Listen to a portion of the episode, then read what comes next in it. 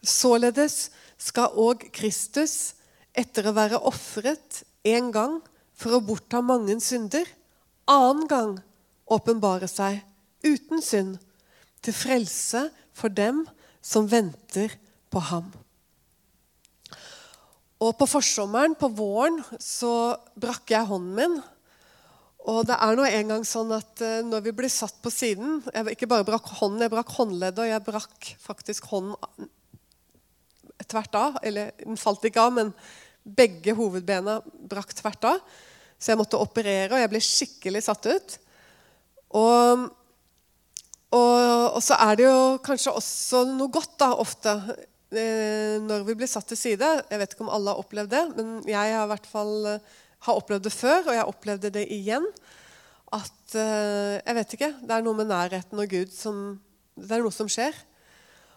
Og det han begynte å tale om, det var nettopp dette.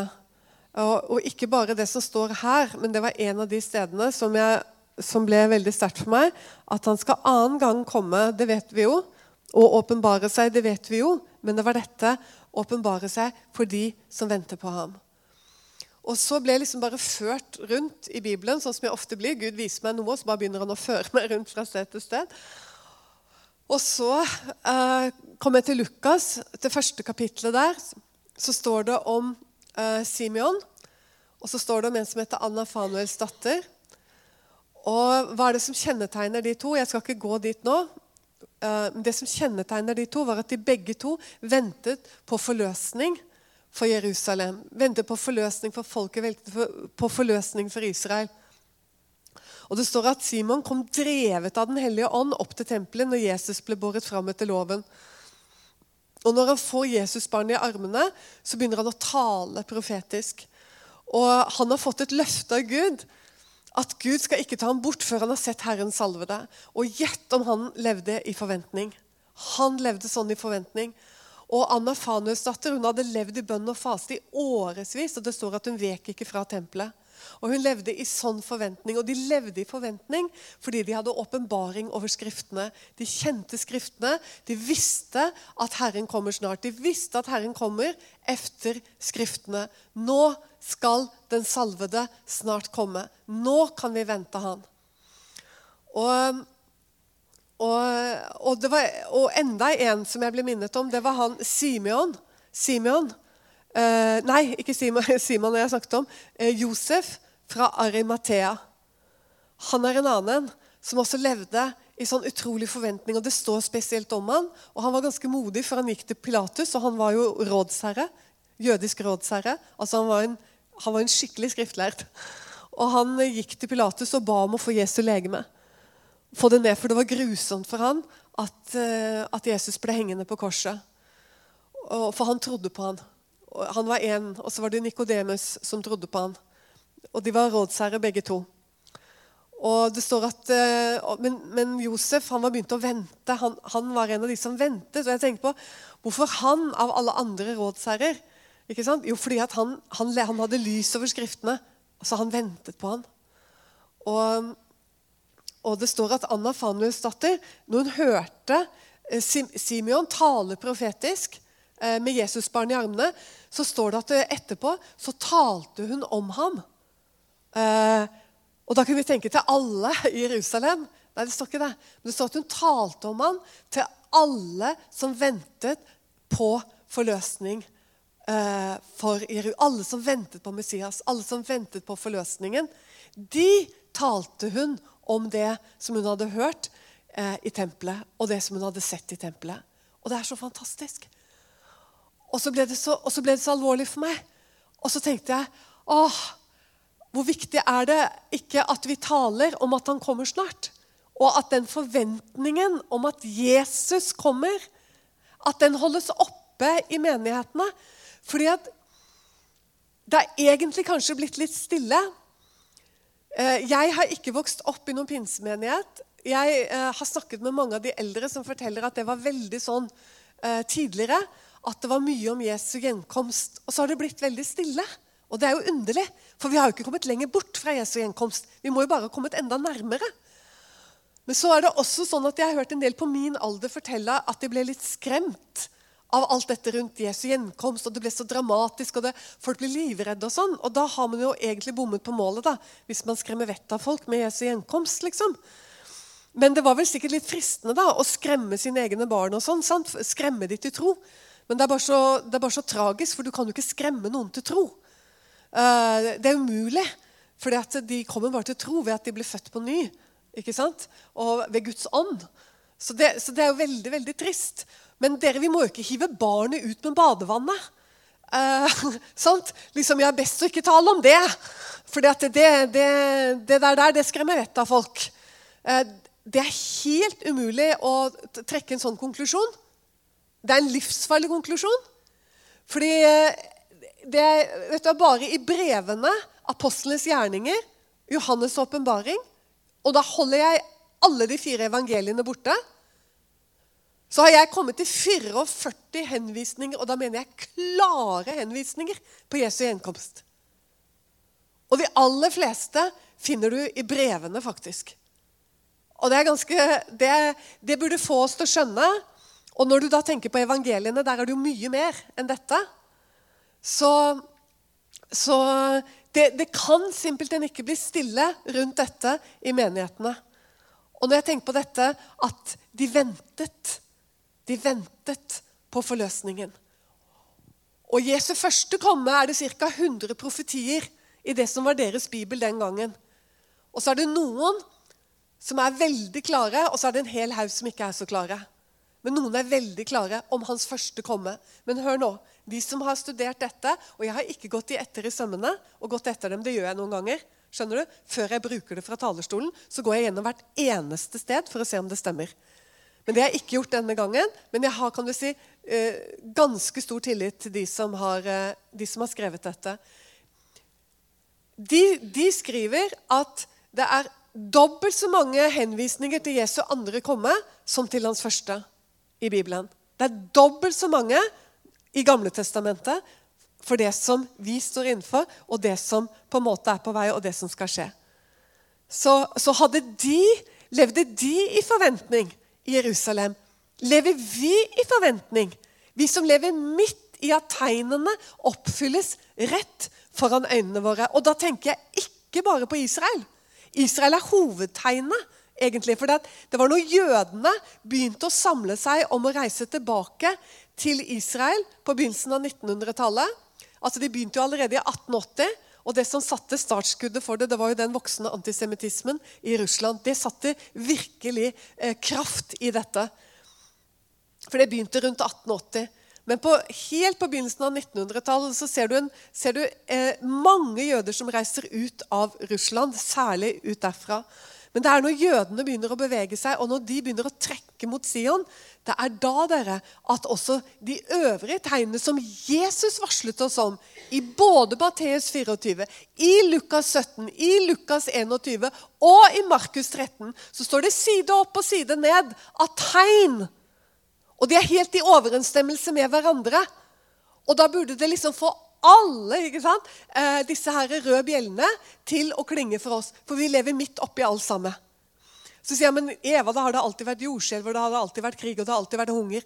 Ja, Men da råder jeg deg til å eh, gå det litt etter i eh, Hva skal du si? Sette deg litt inn i det. Vet du hva? 1900-tallet er jordskjelvets århundre. 1900-tallet er krigenes århundre. 1900-tallet er hungerens århundre. 1900-tallet er da du får veksten i vold. Det er da du får veksten i, i familieoppløsningene. Det er da du får veksten i, i, i forkynnelsen til alle folkeslag av evangeliene. Og spesielt forfølgelsen. Og alle disse tegnene sammen hvis du ser på grafer og kurver Jeg skulle ønske jeg hadde de her i dag, men jeg har de ikke her i dag. Jeg viste dere det en annen gang. Alle disse grafene og kurvene går rett til værs når du kommer til 1950. Alle øker med en gang du er over i 1900-tallet. Så begynner det å gå kraftig oppover. Og så ser du fra 1950, så går det rett, går det rett opp. Sånn at eh, vi lever i en tid hvor ikke bare jødene og Israel eh, Israel er blitt en nasjon, jødene er på vei hjem. Men vi lever også i den tid hvor alt det Jesus varslet oss om, går i oppfyllelse. Og vi lever midt oppi det. Vi lever midt oppi det. Til og med et som jeg ikke tok med. Jeg tok vel med lovløshet, men jeg tok ikke med det at kjærligheten blir kald. Men det kommer av lovløsheten. For det står det, det er det Jesu egne ord. Han sa pga. lovløshet så skal kjærligheten bli kald hos de fleste. Så eh, ventet de? Jo mer må ikke vi vente. Men det rare er, for å virkelig høre forventningen, så må man reise til Israel. Eller så må man reise til land hvor det er vekkelse. Til Asia, reise til Kina, reise til Korea eller Brasil. Der hører du eh, vekkerropet. Og du hører vekkerropet faktisk i Israel. Fordi de ultraortodokse jødene, men ikke bare de, også de ortodokse jødene, de venter på Messias. De, de fleste av dem er dessverre helt på villspor. Utrolig nok om hvem han er. Men de har sånn forventning. Og hvorfor har de sånn forventning? Jo, de har dette skriftene. Etter det profetiske ord. Så vet også de som ikke har Jesus sine tegn engang. Men de har Gamle Testamentet, og de har alle profetiene om at han kommer. Og de venter. Og hvordan kan det ha blitt så stille i menigheten? Jeg måtte bare si dette. Matteus, evangeliet for dere. Og jeg skal lese noe som dere har lest så uendelig mange ganger før. Men nå skal det bare, jeg få lov å lese det en gang til. Og da skal himmelens rike være å ligne med ti jomfruer som tok sine lamper og gikk ut for å møte brudgommen. Men fem av dem var dårlige, og fem var kloke. De dårlige tok sine lamper, men tok ikke olje med seg. Men de kloke tok olje i sine kanner sammen med lampene. Men da brudgommen ga seg tid, slumret de alle inn og sov. Men midt på natten lød det et rop. Se, brudgommen kommer. Gå ham i møte. Da våknet alle jomfruene og gjorde sine lamper i stand. Men de dårlige sa til de kloke, gi oss av deres olje, for våre lamper slukner. Men de kloke svarte, nei, det ville ikke bli nok både til oss og til dere. Gå heller til kjøpmennene og kjøp til dere selv. Men mens, men mens de gikk bort for å kjøpe, kom brudgommen, og de som var rede, gikk inn med ham til bryllupet, og døren ble lukket. Til sist kom da også de andre jomfruer og sa, 'Herre, Herre, lukk opp for oss.' Men han svarte og sa, 'Sannelig sier jeg dere, jeg kjenner dere ikke.' Våg derfor, for dere vet ikke dagen eller timen. Og jeg antar at svært mange her har hørt akkurat denne eh, lignelsen ganske mange ganger før. Og jeg har lest den før, og jeg har sikkert talt over den noen ganger før også. Men det som har blitt så spesielt for meg, og som jeg hadde lyst til at jeg også må dele i Mandal, det er dette med de dårlige. I min oversettelse så blir disse fem kalt for dårlige. Og nå syns jeg virkelig at jeg har sett hvor dårlige de er. Mer enn noen annen gang før. Og jeg vet ikke om det kommer til å bli sånn for deg, men, de, men nå har de blitt dårlige i all sin betydning av det ordet. Fordi Hør her. Jeg bare går litt ned, for jeg liker ikke så godt å få lys sånn i ansiktet. Uh, hør her. Uh, hva i alle dager skal du med en oljelampe uten olje? Er det noen som, er det noen som har tenkt over det? Altså Det står at de dårlige tok sine lamper, men de tok ikke olje med seg.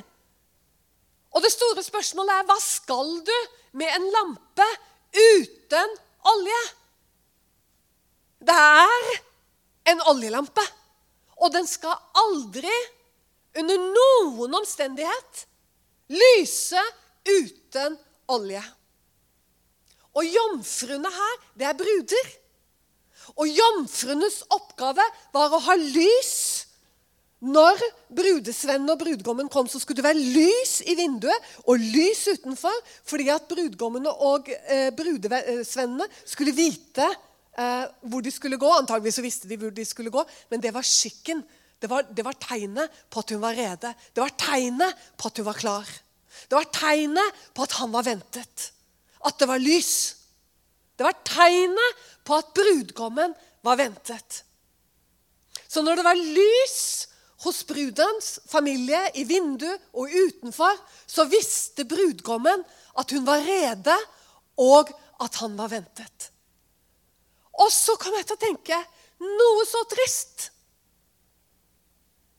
For en brudgom å komme, og så er det ikke lys i vinduene. Det er ikke lys utenfor. Og kan du tenke deg noe mer fryktelig for en brudgom enn at bruden ikke venter på deg? For én ting er å snu det den andre veien. Det er ille nok. Men du skjønner, han kommer ikke Han, han har ikke glemt. Men han er reist i forveien for å gjøre i stand et sted for deg og meg. Og så lengter han sånn etter å komme og hente oss. For da skal han virkelig vise Du skjønner, han har gjort det juridiske. Han har fulgt alt etter det jødiske bryllupet. Han har gjort det juridiske i orden. Han har hvita seg med oss med sitt eget blod. Vi er allerede bundet til han. Men så kom dette året, eller som vi kaller Bibelen kaller nådens år. Mens jødene kaller det for kiddushim, og det betyr simpelthen helliggjørelsen. For nå skulle bruden inn i helliggjørelsen, og det var vanligvis ett år før brudgommen kom for å hente henne. Men kontrakten var skrevet, vinen var delt. Han hadde kjøpt henne, han hadde vist henne prisen. Brudeprisen var lagt fram. Og der står det hva han var villig å betale for å få henne til brud. Hun aksepterte ved å drikke av vinglasset som han ga henne. Og så gikk hun inn i det året hvor hun bare ventet på at han skulle komme og hente henne og ta henne med hjem til det stedet som han har gjort ferdig for de to. Jesus talte sånn at det ikke skulle være noen misforståelse. At han har ektet seg med oss. Han har betalt prisen. Vi tilhører ham. Men så er det dette, da, sier Jesus. Du må våke. Du må være rede. Fordi brudgommen forventer å finne deg våken når han kommer.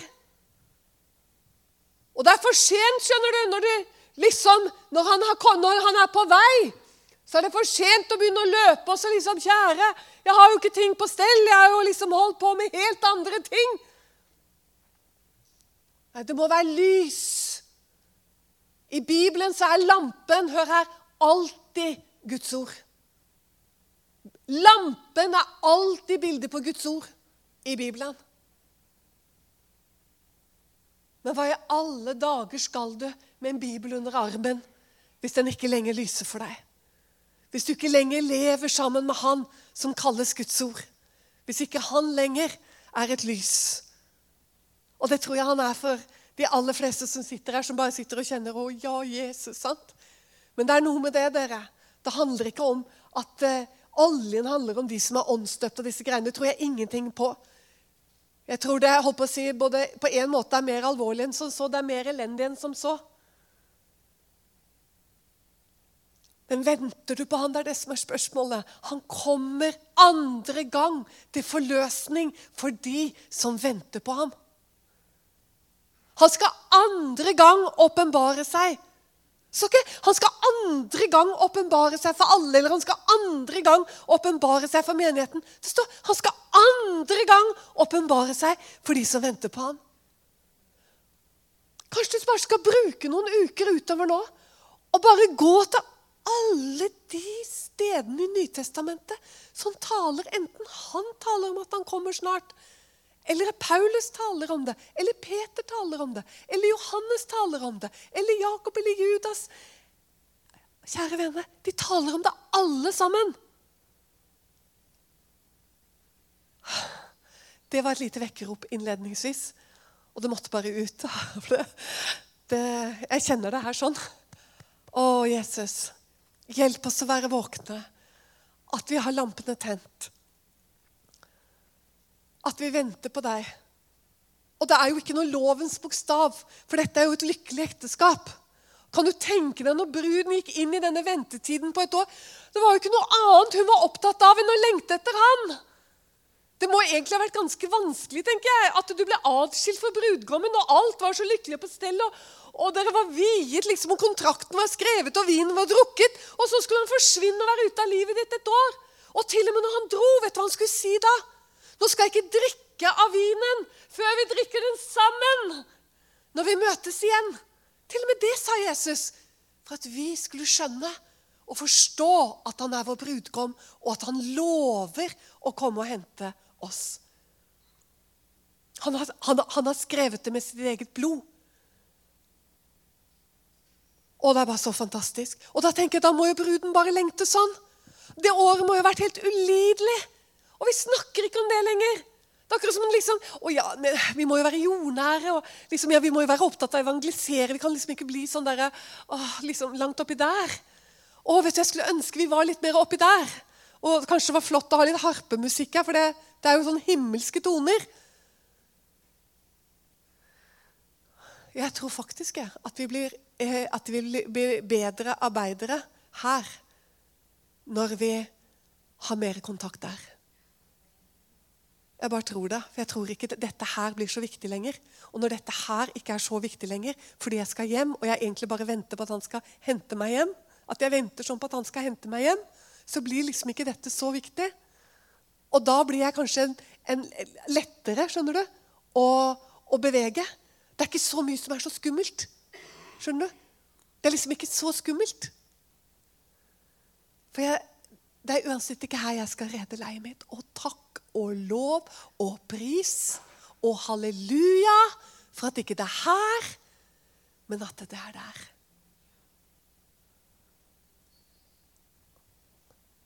Amen. Litt mer Lukas 21. Litt mer Skriftens ord. Lukas 21. Og litt mer tegn. Litt mer tegn. Han har gitt oss et fantastisk tegn.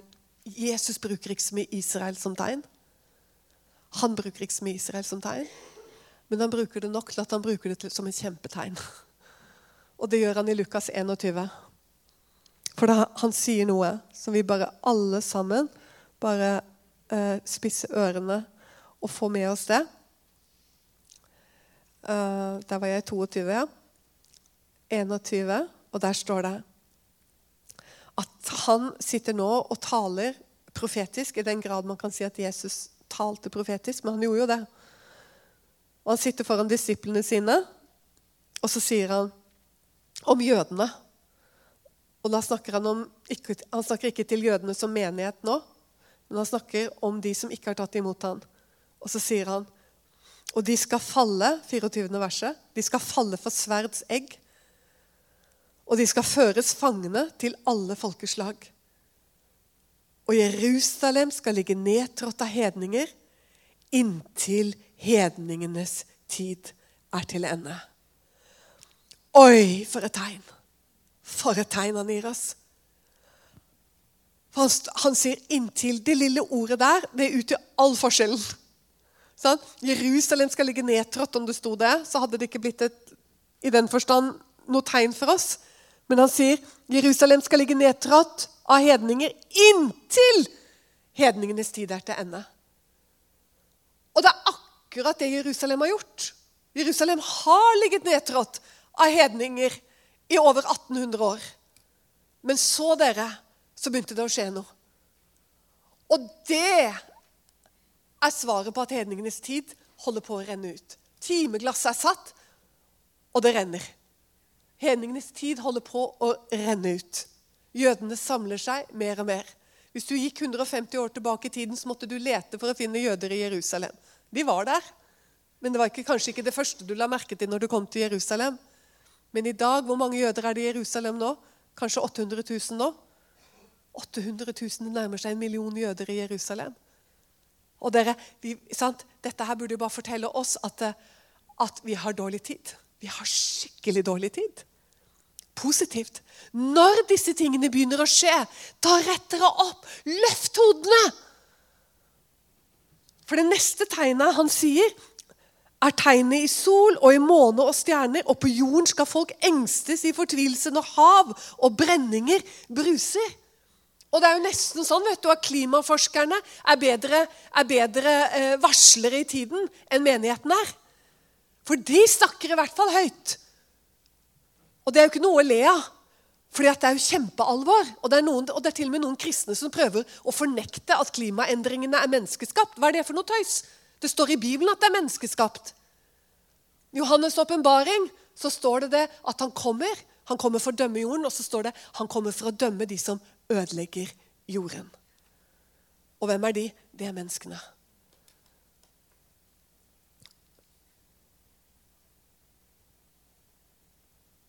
Lukas 21. Veldig viktig. Det er det stedet Jesus bruker eh, Israel som tegn. Bruker Jerusalem som tegn og bruker det jødiske folket som tegn. Og Det er ikke et hvilket som helst tegn, og det er helt i overensstemmelse med eller la meg si det motsatt. Paulus er helt i overensstemmelse med sin herre når han i Romerne 11 I Romerne 11 så sier han at forherdelse delvis er kommet over Israel. Ubeskrivelig flott måte å formulere seg. Han sier alt vet du, når han sier dette. Forherdelse har delvis kommet over Israel inntil fylden av hedningene er kommet inn. Helt i overensstemmelse med Jesus. Fylden av hedningene er kommet inn. Altså, hedningenes tid er til ende, sier Jesus. Når er det hedningenes tid er til ende? Jo, når fylden av hedningene er kommet inn. Kommet inn i hva da? Kommet inn i frelsen. For her er det snakk om å komme inn på oljetreet. nemlig. Det er jo det Paulus snakker om. At de har kommet inn i den fylden på oljetreet som Gud skal ha. Og vi vet ikke hvor mange det er. Det vi vet, er at det står at evangeliet skal forkynnes for alle folkeslag. Det står ikke at liksom alle folk liksom, Det er noen som tror det, at alle folk har hørt. Det er ikke det det står. Men det står at når evangeliet forkynnes for alle folkeslag, og så kommer det Da skal enden komme. Da skal enden komme. Og nå dere forkynnes evangeliet i en sånn grad for alle folkeslag aldri vært i nærheten av det. Hvis du snakket med de som driver med Wycliffe, med bibeloversettelse, for ti år siden hør nå, for ti år siden, så snakket de om at de kanskje ville ha en bibeldel ute på alle verdens språk innen Jeg husker ikke akkurat nå, men la oss si at de sa innen 70-80 år. da. Noe sånt noe. 70 år, kanskje. Vet du hva de sier i dag? Vet du hva de sier i dag? At de regner med at de har de ute i løpet av fire år. Og hvorfor? På grunn av teknologien. Så vi lever i sånne tider som er bare helt utrolige. Så når Paulus skriver dette, at forherdelse delvis er kommet over Israel inntil fylden av hedningene er kommet inn Altså Guds fylde av hedninger. Og så skal hele Israel bli frelst som skrevet er Fra Sion skal redningsmannen komme. Han skal bortrydde ugudelighet fra Jakob. Altså Paulus viser oss klart at for en del så ble de forherdet inntil fylden av hedningene er kommet inn. Og Han sier jo litt lenger ned at dette skjedde for vår skyld. At jødene ble forherdet for vår skyld, for at vi skulle komme inn.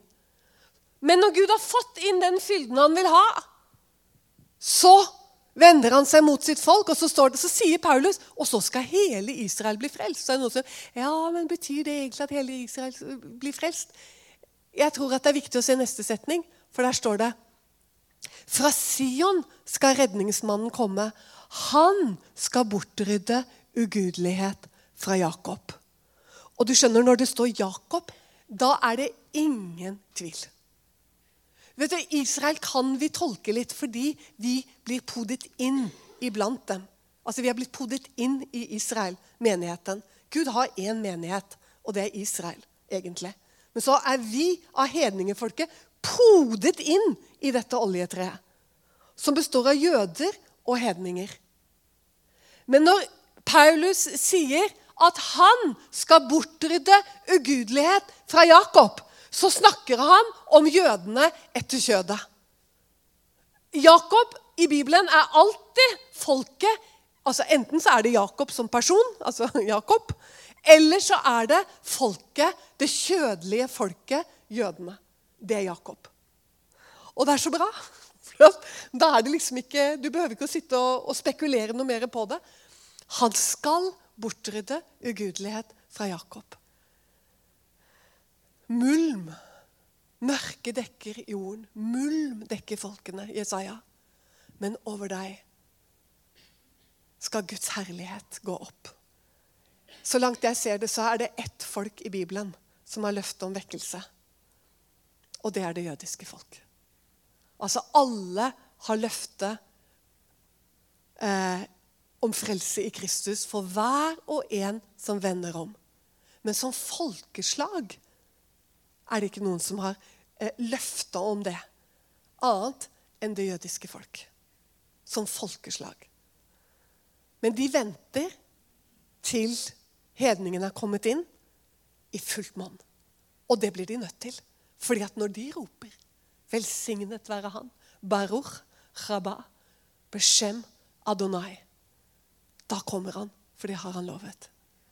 Det skal ingenlunde se meg før dere roper 'Velsignet være Han som kommer i Herrens navn'.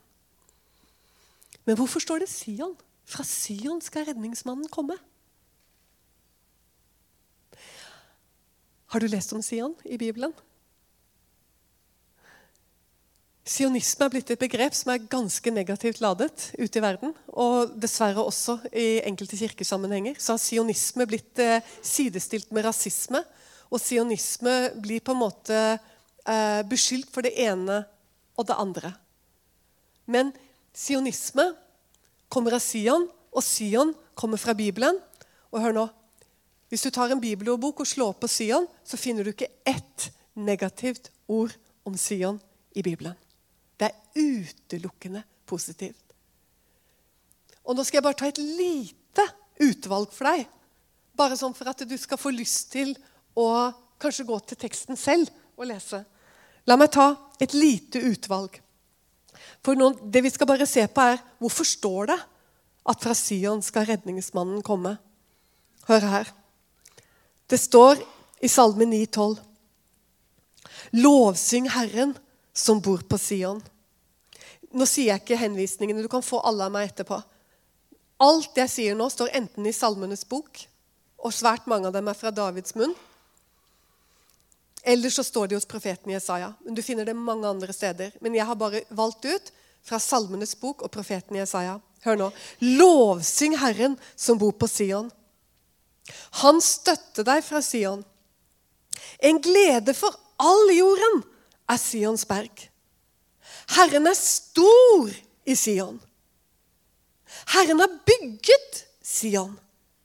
Herren skal velsigne deg fra Sion.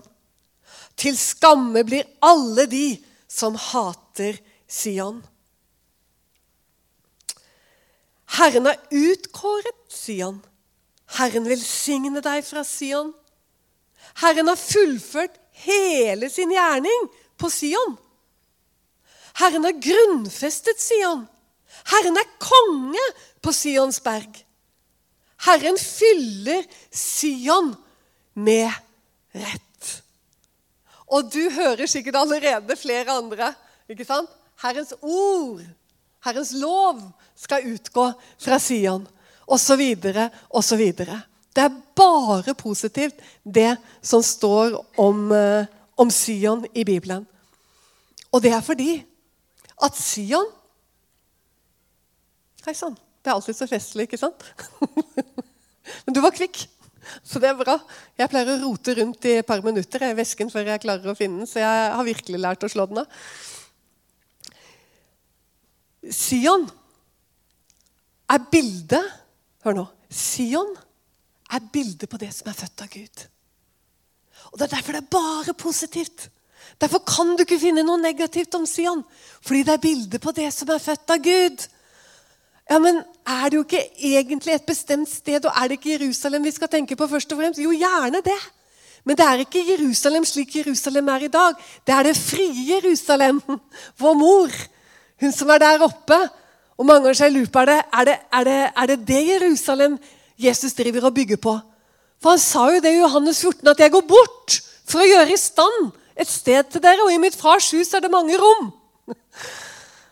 Det sier han. og selvfølgelig også sier han her og nå Man kan ikke liksom hoppe bukk over det.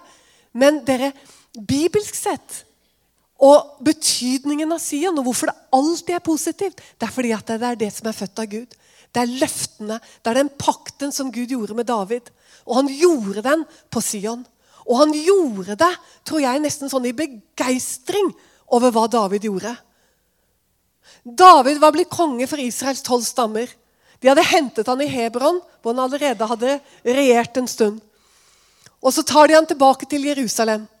Og Så gjør de han til konge over Israels tolv stammer og salver han til konge. Hva er det første som kommer David i hu? Hva er det, hva er det liksom det første David, altså, som Bibelen forteller oss? da? At liksom, det er det neste som står for tur for David. Og det er så bra! Og det er så utrolig bra. Det er ingen som har tenkt på det. David må ha Herrens ark. David må ha Guds herlighet oppå Sion. Den har stått i langflyktighet under hele Sauls regjeringstid. Saul brydde seg ikke om Guds herlighet. Altså Det betyr at Saul brydde seg ikke om Guds åpenbaring. Han kunne regjere veldig godt etter eget hode. Hva skulle han nå egentlig med Guds åpenbaring? Fordi han var jo som oftest, eller svært ofte, ikke alltid, men eh, etter hvert så ble han jo veldig ulydig mot det meste. Så han, han gikk ikke inn liksom og bare og på kne, sånn som David, som var avhengig av Guds åpenbaring. David visste at han, jeg kan ikke være konge for dette store folket uten åpenbaring, uten Guds herlighet. Så den hadde stått i landflyktighet i Kiryat Jerim i 20 år. Og David, jeg må ha Guds herlighet opp på Sion. Og så setter han i gang at folket skal dra og hente og så er det noe omveier, og sånn, for de gjør det feil. Men den kommer opp på Sion, og så skjer det merkelige at eh, David da har bare laget et telt til arken på Sion. Tabernaklet kommer aldri opp på Sion. Han gjør alt mot boka. Tenk over hvor nøye Gud var med forordningene overfor Moses. Rødkofferalteret skulle stå der. Skubrønnet skulle ligge sånn. Eh, eh, og røkelsen skulle være sånn. Eh, oljelampen der. Forhenget sånn. Og det skulle være laget av det, og det skulle ha de og de fargene. Det skulle ha det og det målet. Alt var så nøyaktig.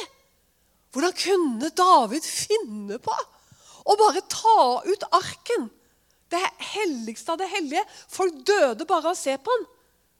Og så satte han inn i et telt på Sion. Og så satte han inn lovsangere som skulle prise Gud klokka rundt, døgnet rundt. Og der innsatte han presten igjen. Tabernaklet var i Gibeon. Arken var der hos han. Og du, da begynte åpenbaringene over David, over prestene. Og det er derfor vi har alle de salmene vi har, ikke bare etter David, men etter hele denne tjenesten som David satte i gang. Avhengigheten av Guds åpenbaring, avhengigheten av å ha Guds herlighet i hans midte. Han kunne ikke lede dette folket uten at Gud åpenbarte seg for ham. Og dette, dere, det neste som skjer nå, er at Gud gjør en pakt med David. Og lover han Messias. Messias er lovet før David. Men nå lover Gud, kommer i åpenbaring til David og forteller han gjennom profeten Natan at av din ett, David Når du er død og begravet, så skal jeg reise opp din ett. Og en av dine sønner skal få et kongedømme som aldri i evighet skal få gå. Halleluja! Er det rart? At Paulus skriver fra Sion skal redningsmannen komme. Det er ingen tvil. Paulus vet det. Først så gråter han i elendighet over folket sitt, men så skjønner han det. Gjennom det profetiske ord så skjønner han det. Herren han skulle jo ikke bare komme én gang, men han skulle komme igjen. Han kommer igjen. Og da kommer han til folket sitt. Og da kommer han til oss alle. Halleluja. Fantastisk. Herren kommer, og han kommer meget snart. Og om det blir i den andre nattevakt, eller om han kommer i den tredje nattevakt Hør her. Den jødiske natt hadde tre vakter. Første nattevakt, andre nattevakt og tredje nattevakt. Og Jesus sa ikke i lignelsen om han kommer i den første nattevakt. Så egentlig så varslet han disiplene sine at han kommer ikke sånn veldig fort. Nei, han kom, om han kommer i den andre nattevakt, sa han. Eller om han kommer i den tredje nattevakt og finner dem rede. Salige er de. For da skal han binde opp om seg. Hva betyr det? Det betyr egentlig nesten at da skal han ta på seg skjønner du, tjenerklærne.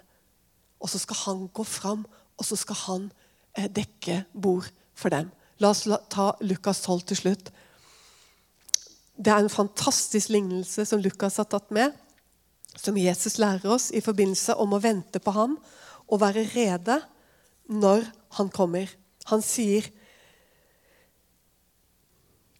Han sier uh, Og det er viktig å ta med det. 34. verset. For hvor deres skatt er, der vil også hjertene deres være. Veldig fantastisk innledning til lignelsen. La deres, la deres lender være ombundet, og la deres lys være brennende. Og vær liksom folk som venter, hører du? Vær liksom folk som venter på sin herre når han vil fare hjem fra bryllupet. For at de kan lukke opp for ham straks han kommer og banker på. Salig er de tjenere som Herren finner våkne når han kommer. Sannelig, sier jeg dere, han skal binde opp om seg. Og la dem sette seg til bords og gå frem og tjene dem. Utrolig bilde. Det er husets herre de venter på. Og så står det det om han kommer i den andre nattevakt eller den tredje nattevakt. Salig er de som er våkne. Nå må vi være i den tredje nattevakt. Det er det i hvert fall ingen tvil om. Og det er den verste vakten å holde seg våken. Jeg har jobbet nattevakt, og jeg har gått med på den tredelingen av natten. Fordi at Den første nattevakten så var, det, så var det, litt sånn, ikke sånn veldig vanskelig. Andre, andre vakt så, så, så, begynte det å bli vanskelig. Og tredje vakt, fra fire om morgenen, da begynte det å bli ganske fryktelig å holde seg våken. Men salige er de som han finner våkne. Og hør her. Dette er tjenestefolket. Dette er oss. Og de vet hvordan ting skal være på stell, for det er husets herre de venter på. Og det er ikke noe hvem som helst. Og da er ting i orden. Ikke etter bokstavens vesen, men hør her etter brudens vesen. Som venter og lengter etter sin brud.